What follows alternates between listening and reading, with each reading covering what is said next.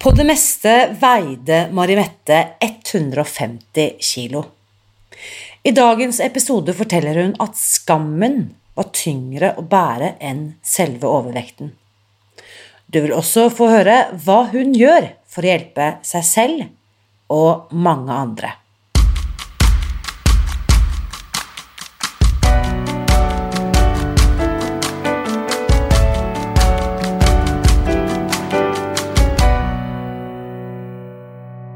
Mitt navn er Irina Lie. Jeg er journalist og forlegger, gründer og sosialentreprenør.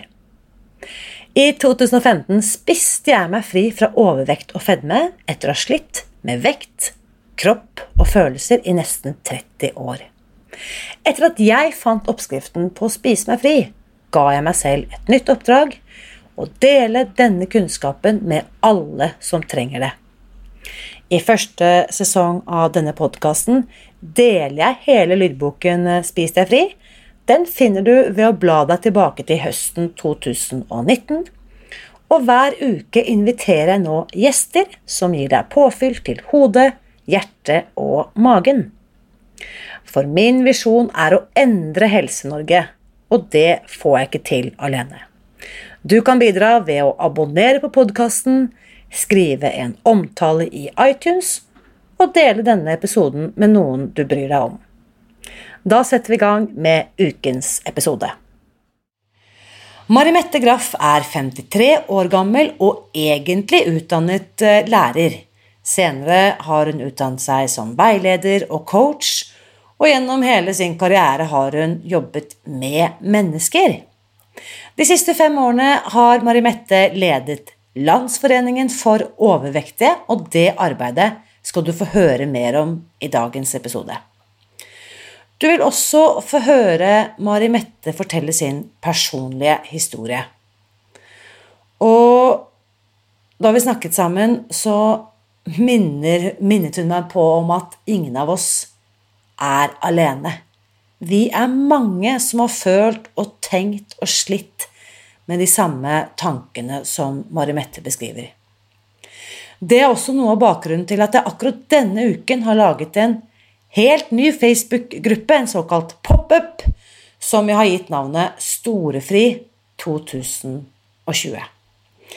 At det er en pop-up, betyr at det er en midlertidig Facebook-gruppe som jeg drar i gang nå denne måneden for å gi deg en forhåpentligvis litt lettere start på høsten. Jeg vet nemlig at eh, denne uken hvor skolen startet og nytt semester har startet rundt mange, for mange, det er et tidspunkt hvor mange av oss blir motivert til å ta tak. Og kanskje gjøre noen grep for å gjøre hverdagen eh, litt lettere og litt bedre. Så hvis du har lyst til å bruke årets skolestart som en mulighet til å gi deg selv en ny start, så inviterer jeg deg altså nå til å bli med inn i denne lukkede Facebook-gruppen det er helt gratis, og som i de nærmeste ukene vil fungere som et interaktivt klasserom. Her kan du få svar på dine spørsmål, og du vil oppleve å få masse hjelp og støtte hvis du akkurat nå er klar for å komme i gang med Spis deg fri. Du finner gruppen ved å søke på Storefri 2020 på Facebook, og jeg kommer også til å dele linken til gruppen i omtalen av denne podkastepisoden. For som Mari Mette og jeg snakker om i ukens episode, så finnes det håp. Så hvis du kan kjenne deg igjen i noe av det vi snakker om, og kjenner at tiden er inne for å gi deg selv litt hjelp og støtte på veien, så bli med i Stolefri. Og så må jeg bare ta med en liten tilbakemelding fra Anita, som sendte oss følgende hilsen etter at jeg snakket om ettårsjubileet i forrige uke. Hun skriver Irina gjør en fantastisk jobb med sine valg av interessante gjester. En herlig miks av eksperter, fagpersonell og privatpersoner som alle har viktige ting å komme med. Jeg har lært så mye av å lytte til denne podden. Den er motiverende og lærerik, og jeg hører gjerne enda en episode med Marit som forteller om faste. Marit, det var altså Marit som vi hadde som gjest i, eh, for et par uker siden. Eh, Anita skriver den dama var ekstra interessant og lærerik å lytte til.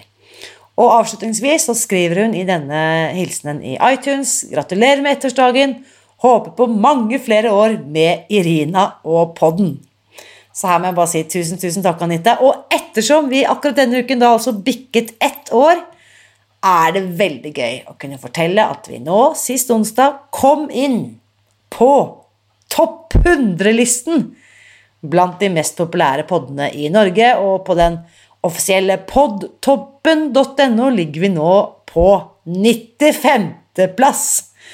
Så her må jeg bare sende en stor takk til deg, Anita, og alle andre lyttere som har vært med på å løfte denne podkasten oppover på listene gjennom året som har gått. Og noe som har bidratt til det, er nettopp omtaler eh, og hilsener og tilbakemeldinger som Anita har skrevet i iTunes.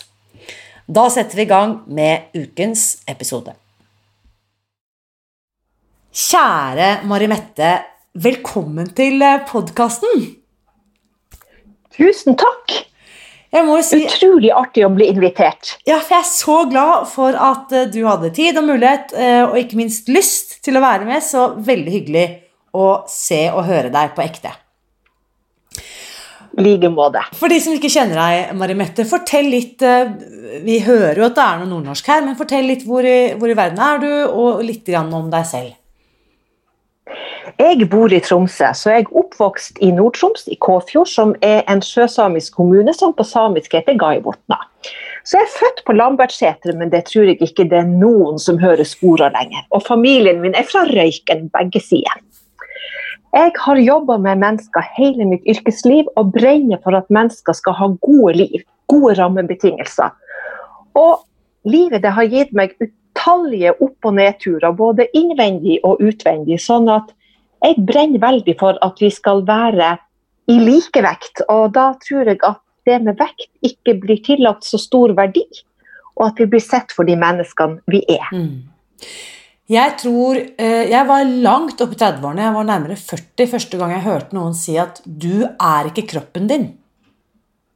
Mm. Det var et konsept som for meg var helt sånn Hva? Jeg har jo definert meg Jeg selv har definert meg ut fra min kropp gjennom et langt, langt liv.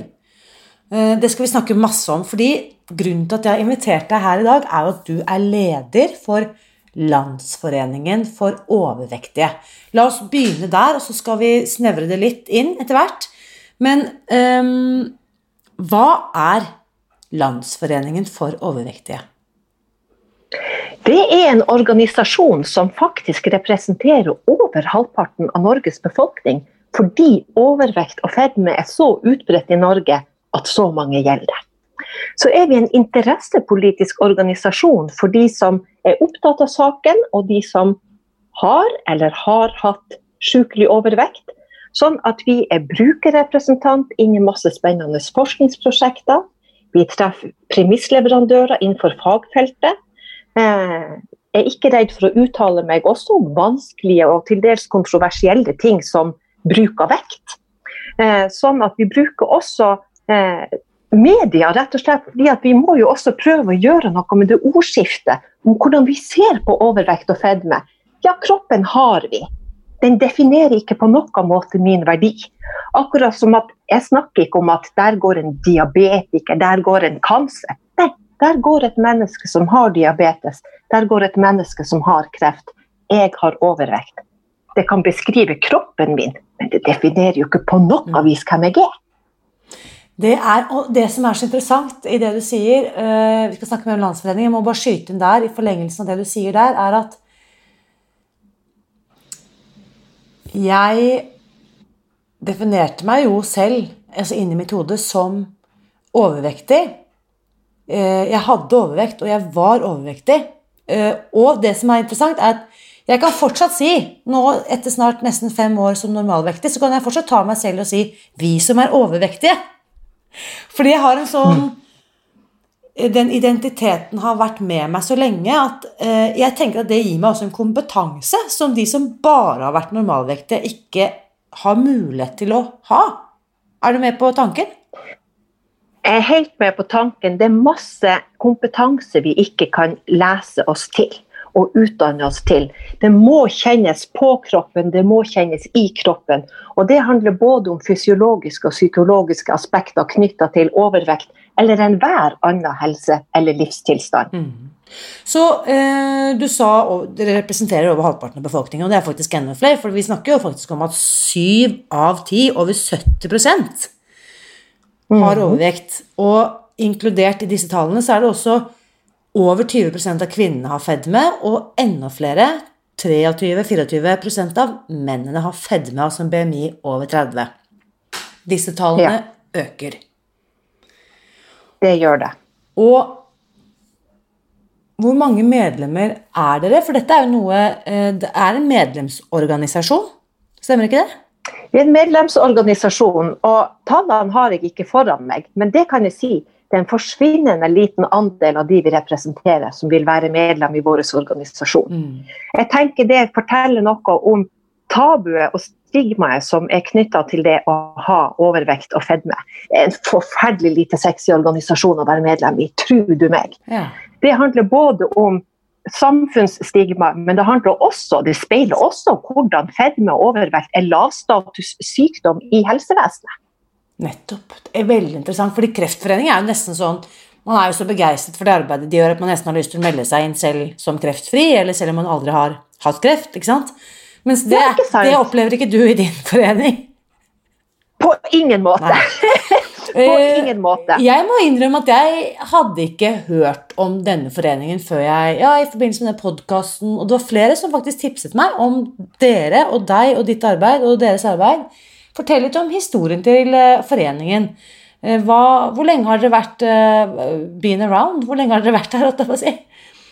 Den har vært ganske lenge. Nå er ikke historie min sterkeste side, men det starta ut med Rita Simmer, hvis ikke jeg husker helt feil, i Oslo, som begynte å kjempe for at mennesker som hadde helseplager knytta til overvekt, måtte få et behandlingstilbud. At det måtte begynne å bli systematikk og struktur i tilbudet. Og at tilnærminga var faglig forankra, og ikke ut fra synsing og antakelser. Så vokste det frem. Eh, også den mest markante lederen vi har hatt, det var nok Jørgen Foss før meg. Eh, som har vært en veldig tydelig stemme, han også på det her, særlig med fordommer og behovet for forskning. Ja, Eh, han, opplevde, han opplevde mye mer personlig sjikane enn hva jeg noen gang har gjort. Og jeg tenker at Det var en som sa til meg her om dagen at du har de tynnes privilegium. Så sa jeg jeg er jo ikke akkurat tynn, da. Nei, sier hun, men du bærer ikke din overvekt like synlig som andre. Og dermed så får du ikke så mye drit. Og jeg syns det er synd om det er sånn det er, men jeg kan ikke utelukke at det er en sånn sammenheng.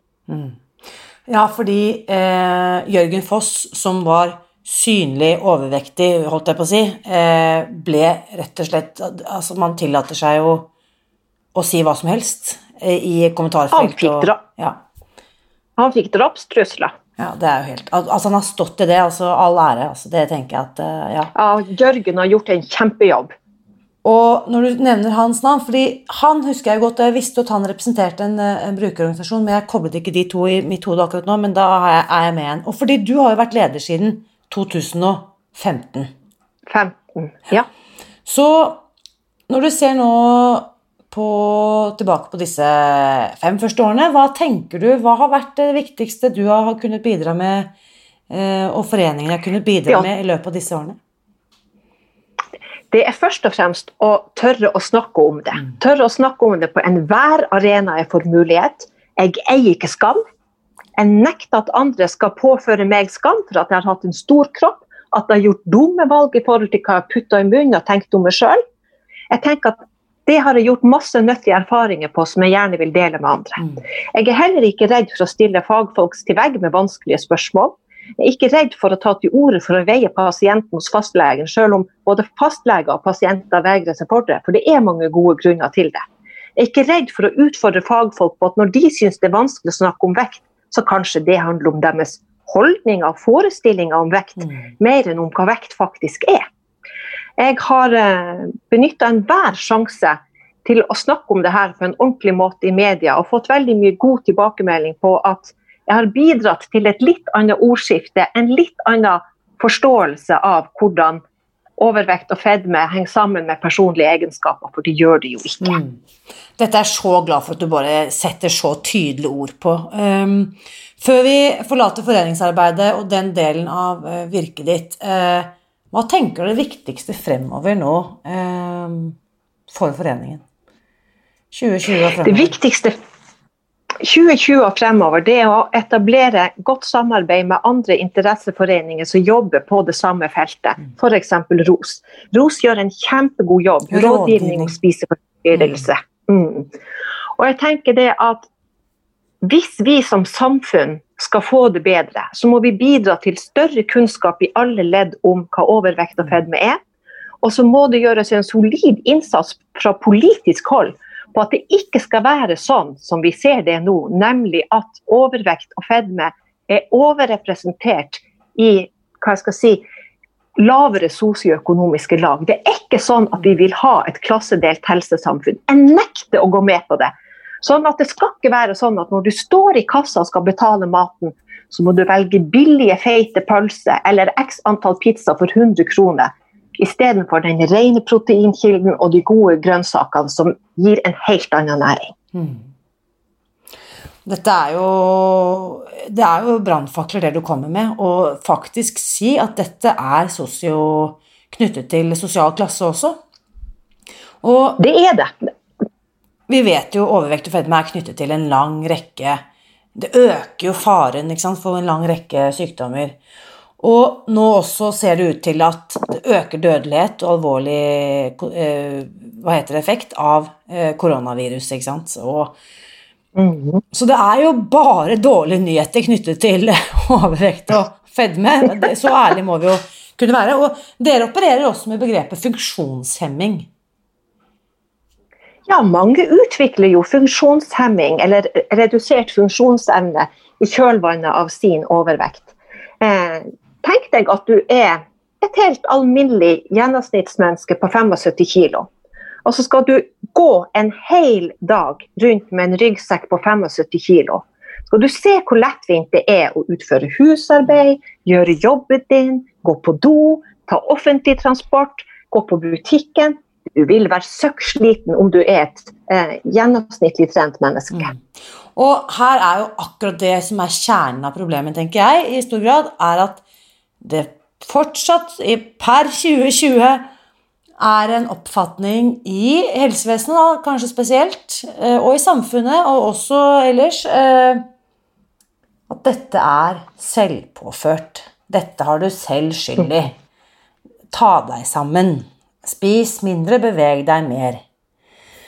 Er du med på tanken? Det er jeg absolutt. Og jeg tenker det at vi ser jo den, eh, det vi kaller for konservative behandlinger som helsevesenet har gitt, som går på råd om å trene mer og ete mindre. Det virker i forsvinnende grad.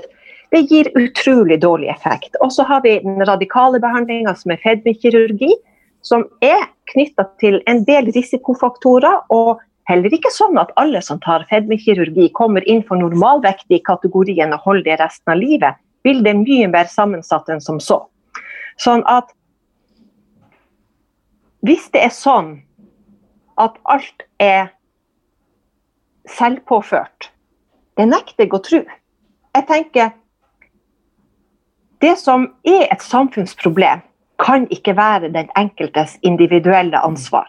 Og hva det hvilket som helst annet helseområde som hadde så dårlige behandlingsresultater som det overvekt og fedme har, det hadde vært ramaskrik, det hadde vært revolusjon for lenge siden. Mm. Og det hadde vært søksmål etter søksmål etter søksmål på feilbehandling. Men nei, det kommer ikke fordi folk skammer seg, og fordi vi har etablert sannheten om at overvekt er selvforskyldt. Ja, og hvis du da, hvis vi skulle ta utgangspunktet, og jeg er helt enig med deg, og jeg er heller ikke redd for å si det høyt, eh, rådet om å spise mindre og trene mer, tenker jeg rett og slett er å bare sende folk rett ut i en blindvei. Og de kommer bare til å møte Rett ut i en Unnskyld? Du går rett inn i å slanke deg sakte, sakte men sikkert feitere. Det er det som skjer. Du kommer inn i jojoen. Ja, du slanker deg tjukkere og tjukkere. Det er det mange som på en måte har erfart, meg selv inkludert. Og det vi da snakker om, er at hvis vi skulle tenke at å ja, du er ikke i stand til å spise mindre, ergo er du grådig. Å ja, du er ikke i stand til å trene mer, ergo er du lat. Og da snakker vi om det stigmaet, ikke sant. Og i et uh, intervju jeg leste med deg, jeg syns det var veldig veldig sterkt det, det du sier. Jeg må bare lese, eh, sitere deg på det du har sagt i dette intervjuet tidligere. Ja. Der sier du til slutt var eh, skammen min mye større enn kroppen min. Den skammen altså var tyngre å bære enn de 150 kiloene som badevekten viste. Jeg følte skam fordi jeg tenkte at det var min skyld. Og så står det videre at i denne perioden turte du ikke engang å gå ut, gikk bare i butikken når det var nødvendig. Ellers så var du hjemme og skammet deg. Helt riktig. Og det syns jeg er så befriende både å se og høre deg nå når du sier 'jeg eier ikke skam', fordi det kan man faktisk velge å gi fra seg, legge fra seg og si at den, den, den, den er det du som prøver å sende til meg, den nekter jeg å plukke opp, den får du beholde sjæl. Ja, ikke sant? Og hvordan eh, Fortell litt om den eh, opplevelsen av å bli skammet. For det opplever jeg, har jeg også opplevd at helsepersonell har utsatt meg for. Akkurat den opplevelsen. Sånn som når de kommer med det rådet. Ta deg sammen, spis mindre, tren mer. Eh, hvordan opplevde du at den skammen ble forsøkt pålagt deg? Jeg kan jo fortelle om en gang jeg og ei venninne som også da hadde en stor kropp. Vi skulle inn på en butikk i Tromsø sentrum. Så gikk vi etter hverandre. Så kommer det ei dame i møte med oss, og så bare Å, herregud! sier hun og vrenger ansiktet i avsky. Det var så grusomt. Det var helt forferdelig. Og jeg skjønner jo også at det å sette seg ved sida av meg på et bussete, det blir trangere enn om du sitter ved sida av en som har halvparten så stor rumpe. Men du hadde ikke behøvd å sendt et blikk fylt av avsky. Kanskje omsorg og vennlighet ville funka mye bedre. Eh, og denne følelsen av at eh, ja, Jeg får sånne assosiasjoner til da Rødehavet delte seg, da Moses løfta staven i Bibelen. altså sånn, Når du kommer som feit, så bare liksom Folkemengden deler seg foran deg fordi at det er ingen som vil være and i deg. De, det er nesten sånn at du er spedalsk og kan besmitte dem der du går. Dette er jo eh, Jeg tenker det er mye helsepersonell. Jeg vet det er fastleger og forskere og andre som også lytter til denne podkasten. Hva tenker du de bør vite? Hvordan skal de møte det mennesket som kommer inn på legekontoret med overvekt? De skal tenke de skal tenke at det er bare en annen variant av dem sjøl. Vi er alle mennesker. Vi har alle gode egenskaper, vi har dårlige egenskaper, men vi er et verdifullt menneske i å være menneske. Egenskapen av å være menneske gir meg automatisk rett til å kunne forvente å bli møtt med respekt, vennlig nysgjerrighet, åpenhet og en faglig forankra tilnærming til min helse. Ikke følelser og moralske antakelser og synsing. Og dette er også Jeg tenker du var inne på det i stad, at eh, vi, holdt jeg på å si igjen, vi, vi som er overvektige Overvektige er jo en av de pasientgruppene der helsevesenet står rådville. Kanskje er det da også en forsvarsmekanisme at det er for meg som behandler lege lettere å bare dytte skylden over på deg som pasient, i stedet for å sitte og være maktesløs i møte med deg og si at jeg ser at du har et problem, jeg anerkjenner problemet ditt, eh, og jeg kan ikke hjelpe deg. Eller jeg vet ikke hva jeg kan gjøre. Eller hva kan jeg gjøre? Hvordan kan vi i fellesskap finne ut av dette? Eller, ikke sant? At, at man kan kanskje åpne den eh, samtalen med litt vennlig nysgjerrighet, litt ydmykhet, litt Være litt på servicesiden. Ja, og jeg tenker det, det er faktisk helt fair at en lege er usikker på hva man kan gjøre. Og det er mye bedre å erkjenne og si det, fremfor å prøve å legge ansvaret over på pasienten. Fordi når du er hos legen, så er det legen som har ansvar for den medisinske behandlinga. Men da må det også være rent spill. Cards on the table. Snakk sant. Legen har ansvaret for den medisinske behandlingen, for, eh, sier du, ikke sant? Og nå er jeg bare nysgjerrig. Fort- Fortell litt om din egen historie, eh, Mari-Mette. Eh, La meg begynne helt eh, med et åpent spørsmål. Hvorfor ble du overvektig? Jeg tror at det var min måte å håndtere følelser på. Eh, Jeg har verdens beste mamma og pappa som har latt meg få lov til å ha et stort følelsesregister. Samtidig som jeg fikk en streng oppdragelse på at når noe gikk gærent, så måtte jeg se nøye på meg sjøl om jeg kunne ha skyld i det som skjedde. Og når du da systematisk mobbes for å være lærerunge og innflytterunge, og etter hvert bruker briller og har tannregulering, og du skal tenke har jeg skyld i det her? Det her har jeg snakka ut med mamma og pappa om. De ville bare godt. ikke sant? De ville ha et reflektert barn. Men det førte til at jeg skamma meg sånn over den mobbinga at jeg til slutt slutta å fortelle om den, og så spiste jeg istedenfor. Jeg kan huske at jeg en gang tok 35 kroner fra pengeboka til mamma. Så gikk jeg på butikken, så kjøpte meg en fyrstekake, så satte jeg meg i klesskapet på rommet mitt og spiste den mens jeg gråt. For det er jo, det du beskriver, er jo et veldig effektivt bedøvelsesmiddel. Oh yes, sukker og fett, kan du tenke deg? Jeg kan tenke meg. Jeg, jeg vet. jeg vet. Ikke sant? eh, dette har ikke vi snakket om tidligere, dette er første gang vi møtes. Men hva tenker du om eh, Spis deg fri sin påstand eh, om at det er mulig å bli avhengig av mat? Oh, definitivt. Absolutt. Eh, hvis vi først anerkjenner man snakker om eh, trøstespising i Norge Hvis du bytter ordet 'trøste' med følelsesregulert, altså løfter du opp et nivå, istedenfor bare å fokusere på trøsten, men at det handler om følelsesregulering. Da spiser du når du er trist, når du er glad, når du er sint, når du er skuffa, og ikke minst så spiser du når du skammer deg over alle de andre gangene du har spist pga. en følelse. Så går du i det hamsterhjulet og et. Det er den følelsesmessige. I tillegg så har du alle de kjemiske reaksjonene knytta til sukker og fett og dopamin, som gjør at å, belønningssenteret eksploderer for hver gang du spiser litt sukker, og så vil du bare ha mer.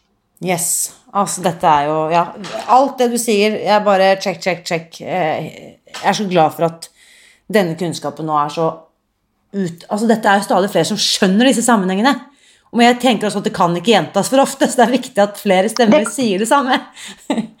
ja, det kan ikke gjentas for ofte, og jeg skulle ønske at helsepersonell, selv om de sier det går ikke an å dokumentere sukkeravhengighet, det vet ikke jeg, men det, det er mange ting som ikke har latt seg bevise på et tidspunkt i vitenskapen som senere har blitt en etablert sannhet.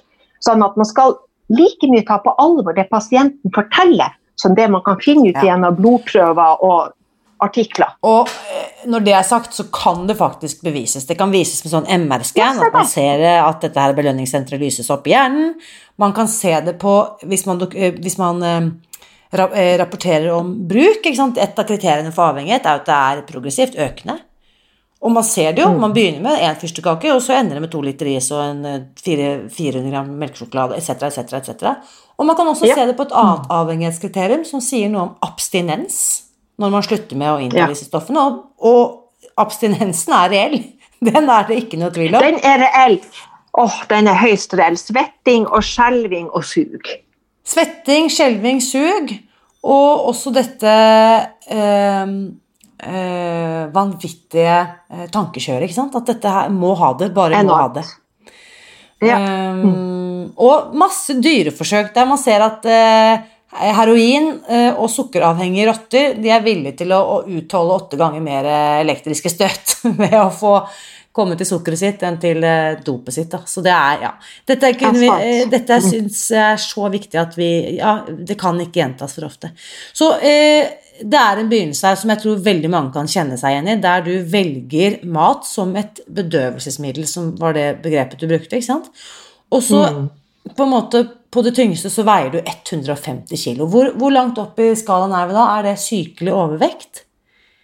Og det er fedmegrad 3 eller 4, jeg er litt usikker. Ja, så da er, er du overvekt, alvorlig syk. Altså alvorlig ja, eh, Hvilke andre tilleggs symptomer har du da, i tillegg til en stor og tung og vanskelig kropp? Nå var jeg utrolig heldig som aldri fikk eh, diabetes, heller ikke forstadiet til diabetes. Eh, jeg fikk heller ikke store sånn skjelettplager, men denne verken i kroppen hele tida. Alt var vondt hele tida. Eh, for det er en stor belastning. Prøv nå å gå med den sekken en hel dag. Prøv å gå med den en uke, en måned, et år. Jeg skal love deg, du kjenner det i kroppen. Mm. Eh, men altså, den største følgeplagen ved stor overvekt, det er ikke hjerte-karsykdommer i det hele tatt, det er depresjon. Ja. Der er forskninga helt klar. Sånn at det her svartsynet jeg hadde både på meg sjøl og på livet, det var enda tyngre. Det var på linje med skammen, mye tyngre enn hva kroppen faktisk veide. Ja. Og på øh, Jeg vil tippe at du sikkert har prøvd hele arsenalet av konservative behandlingsmetoder og kurer både her og der, sikkert. Uh, og i en alder av 45, så det er da åtte år siden nå, så velger du å gå til en radikalbehandling, nemlig slankeoperasjon. Fedmekirurgi. Ja. Fedmekirurgi. Og det er her ja, vil bare sånn liten time-out.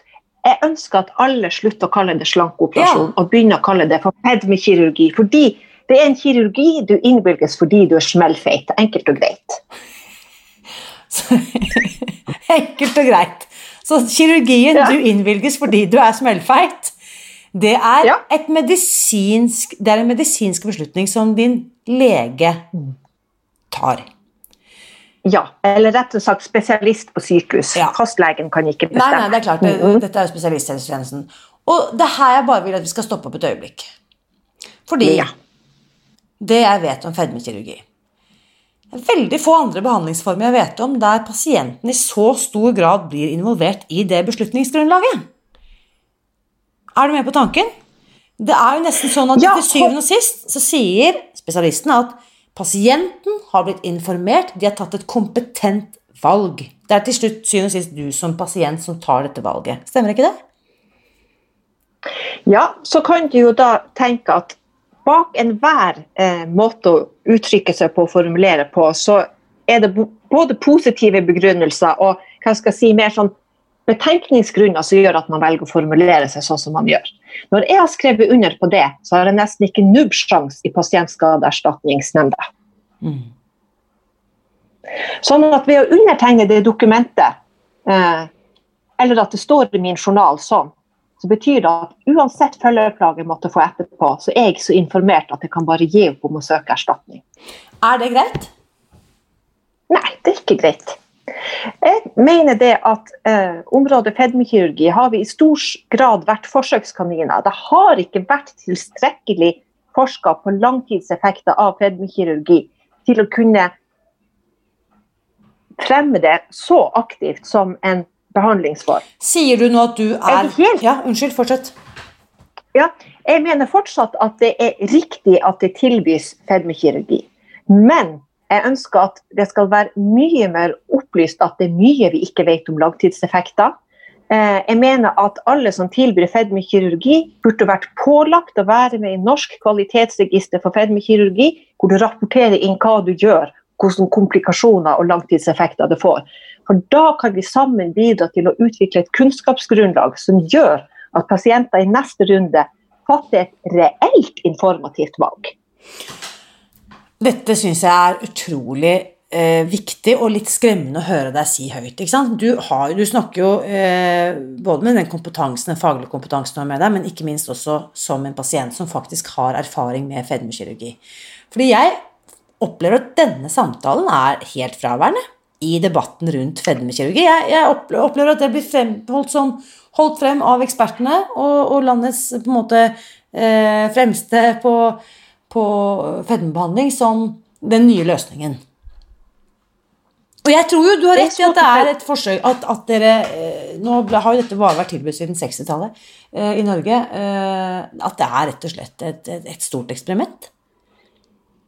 Ja, det er langt på vei et stort eksperiment. Samtidig skal jeg si at du har mange dedikerte, flinke fagfolk i Norge som driver på med det her. Det skal sies.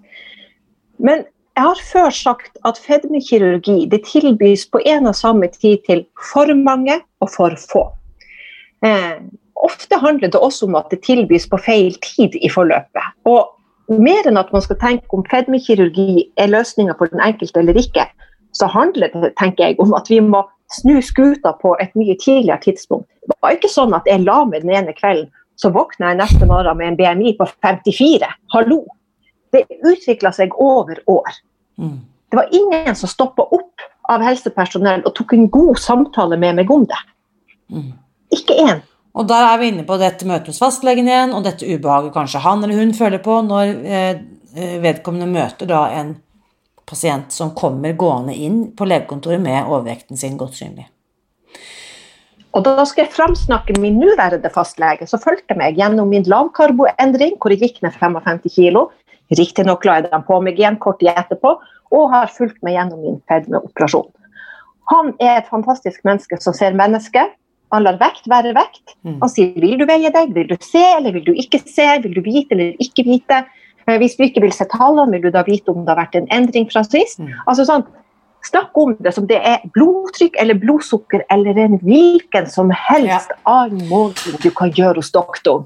Dette er så kult at du sier, for at, sant, i Spis deg fri-sammenheng også, så er det ofte veldig mye fokus på vekt, naturlig nok. Men der, der tenker jeg altså sånn Du kan velge hvorvidt du vil la dette tallet styre dagen din. Hvis du kjenner at det der Ja. tallet liksom, eh, blir en sånn der diktator hvorvidt dette er en god eller dårlig dag. Det er 100 andre tall vi kan ta hver dag som vi ikke gjør. Hodeomkrets, temperatur, høyde. Altså, øh, og, vi vet jo vi? Jeg husker liksom at plutselig oppdaget jeg eh, i forbindelse med graviditet at eh, føttene mine hadde vokst. Plutselig måtte jeg kjøpe en halv størrelse større. Skal jeg da liksom tenke sånn åh, nå er livet altså ødelagt. Nå er jeg liksom 39,5 liksom, istedenfor 39. Det er så mange tall som handler om dette, denne innpakningen her, som jeg ikke forholder meg til. Tall er et tall, og det kan være et, et, et parameter som det kan være greit å liksom vite om. Men ikke la oss styre av, tenker jeg.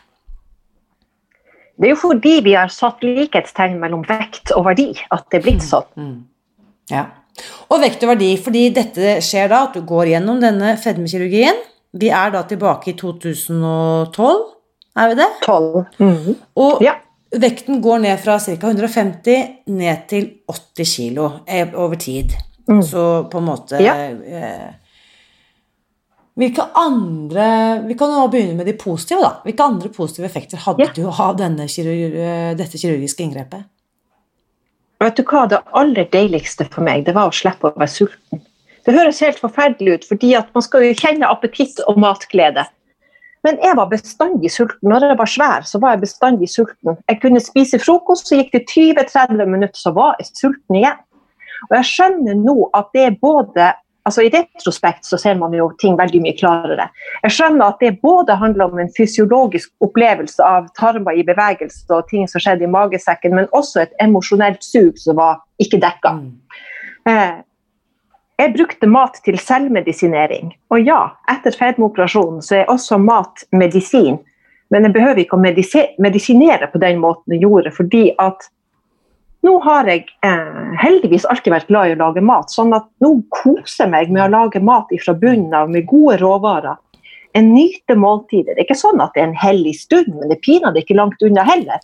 Altså sånn Også, det, ikke sant? Jeg kjøpte med operasjonen. Det kosta meg eh, 120 000 da.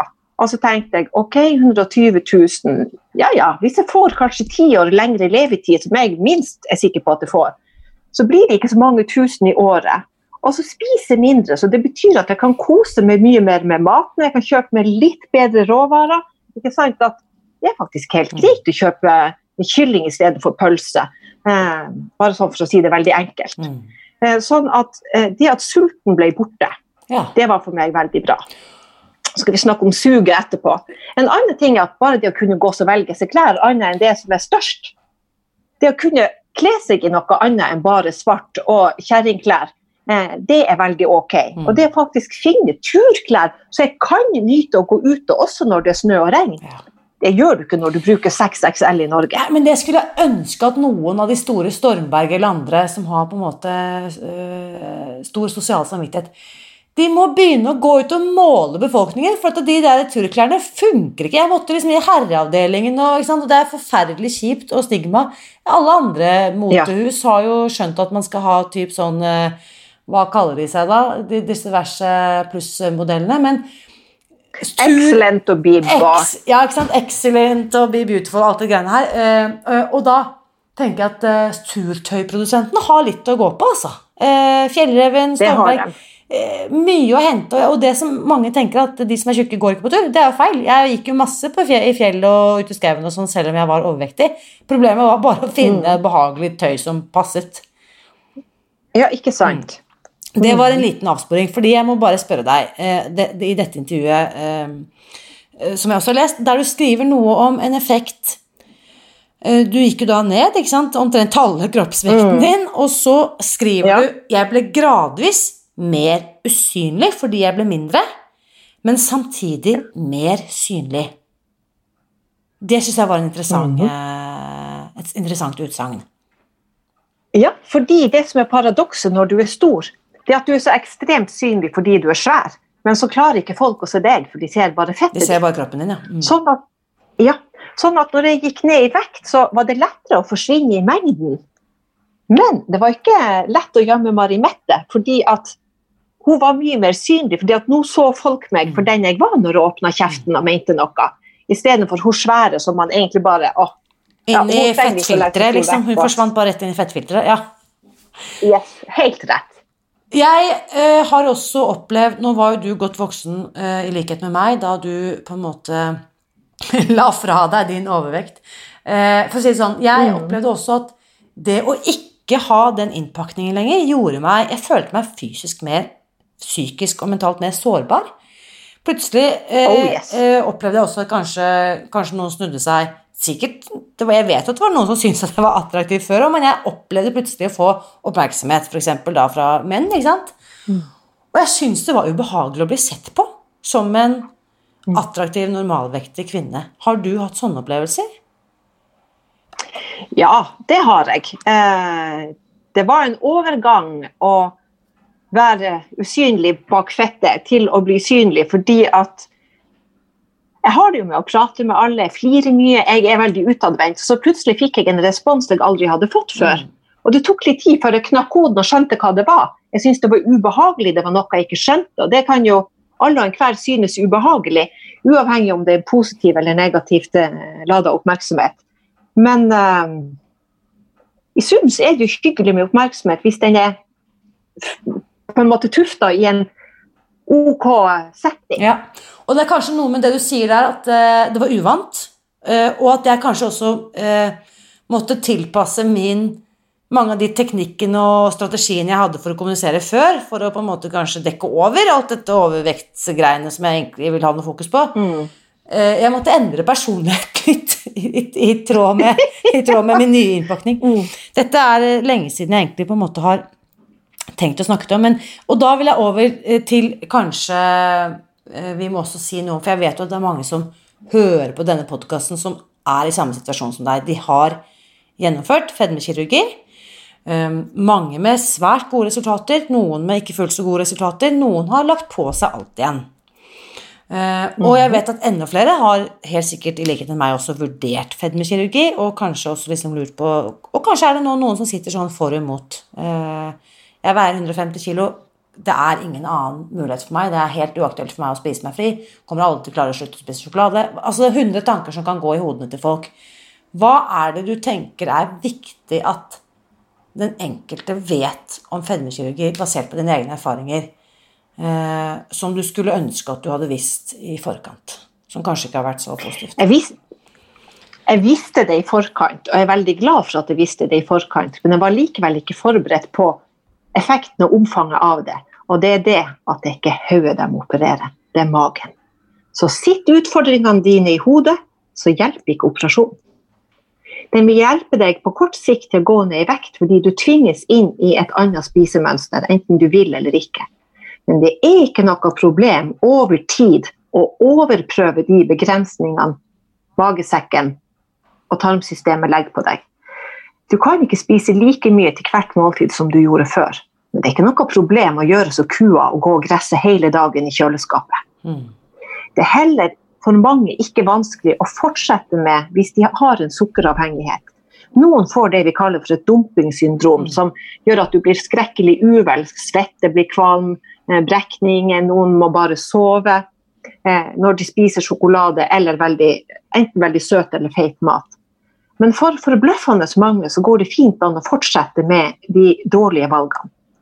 Sånn at hvis du skal ta fedmekirurgi, så må du gjøre en jobb mentalt først. Mm. Sånn at du klarer å håndtere det verktøyet som fedmekirurgien er.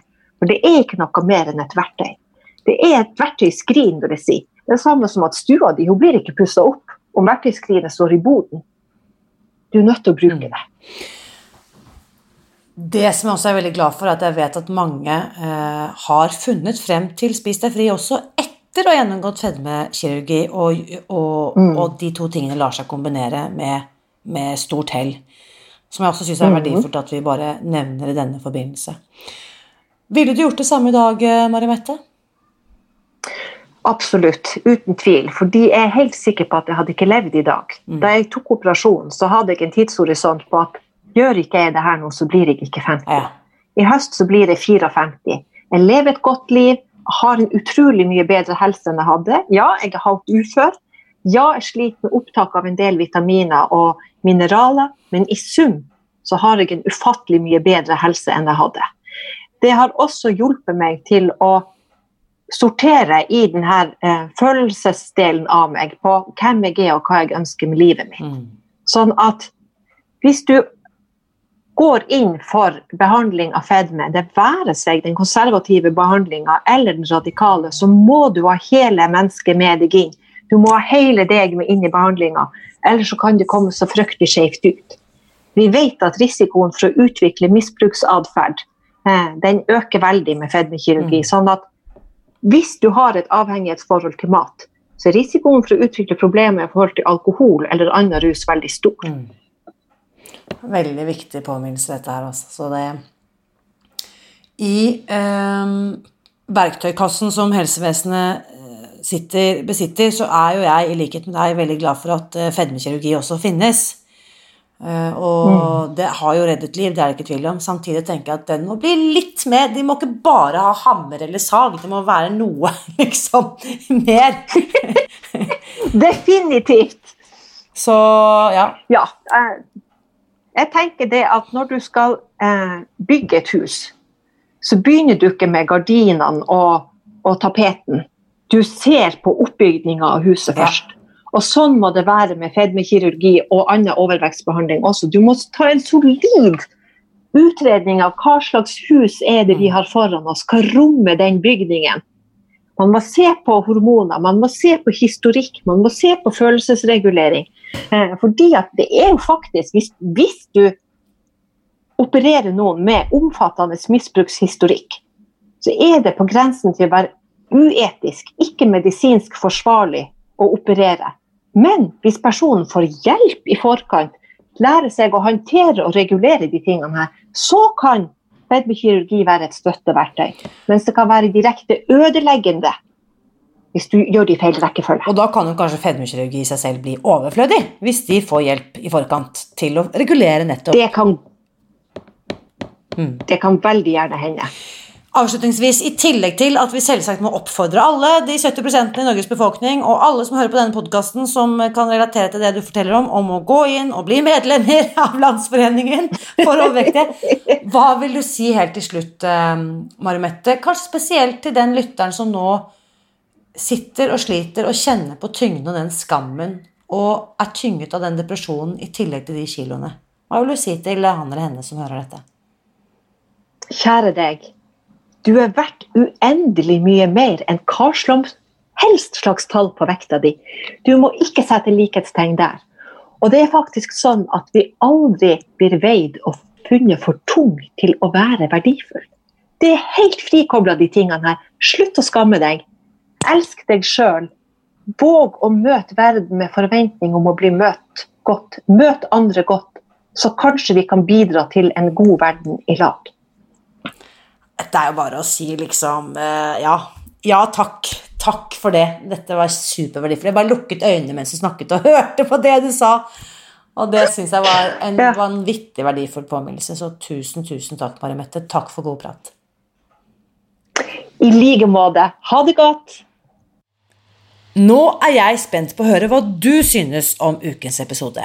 Bli gjerne med i den åpne Facebook-gruppen Spis deg fri, hvor samtalen etter eh, dagens prat med Marimette fortsetter.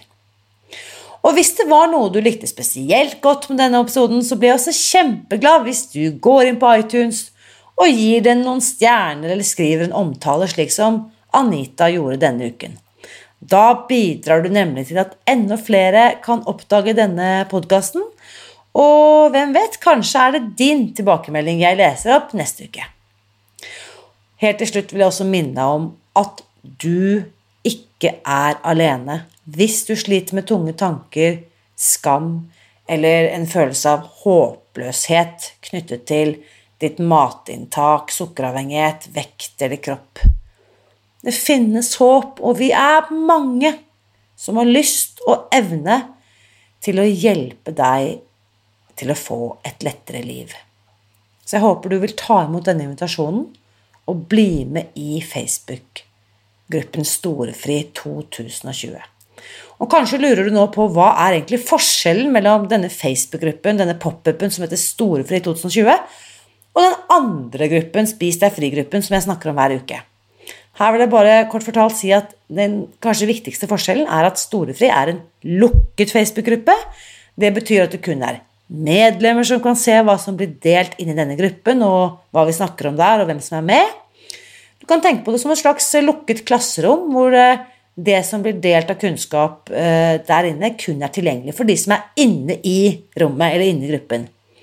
På den, håpe, på den måten håper jeg også at det oppleves som et trygt sted for alle som er til stede. Du finner altså gruppen ved å søke på Storefri 2020 inn i Facebook, eller sjekk omtalen av denne episoden i iTunes eller Spotify, eller hvor du hører dette, hvor jeg også legger inn en link da, til denne Storefri 2020-gruppen eh, i Facebook. Og uansett hva du gjør og velger å gjøre for å ta vare på deg selv denne høsten som vi nå går i møte, så vit at jeg heier på deg. Alltid.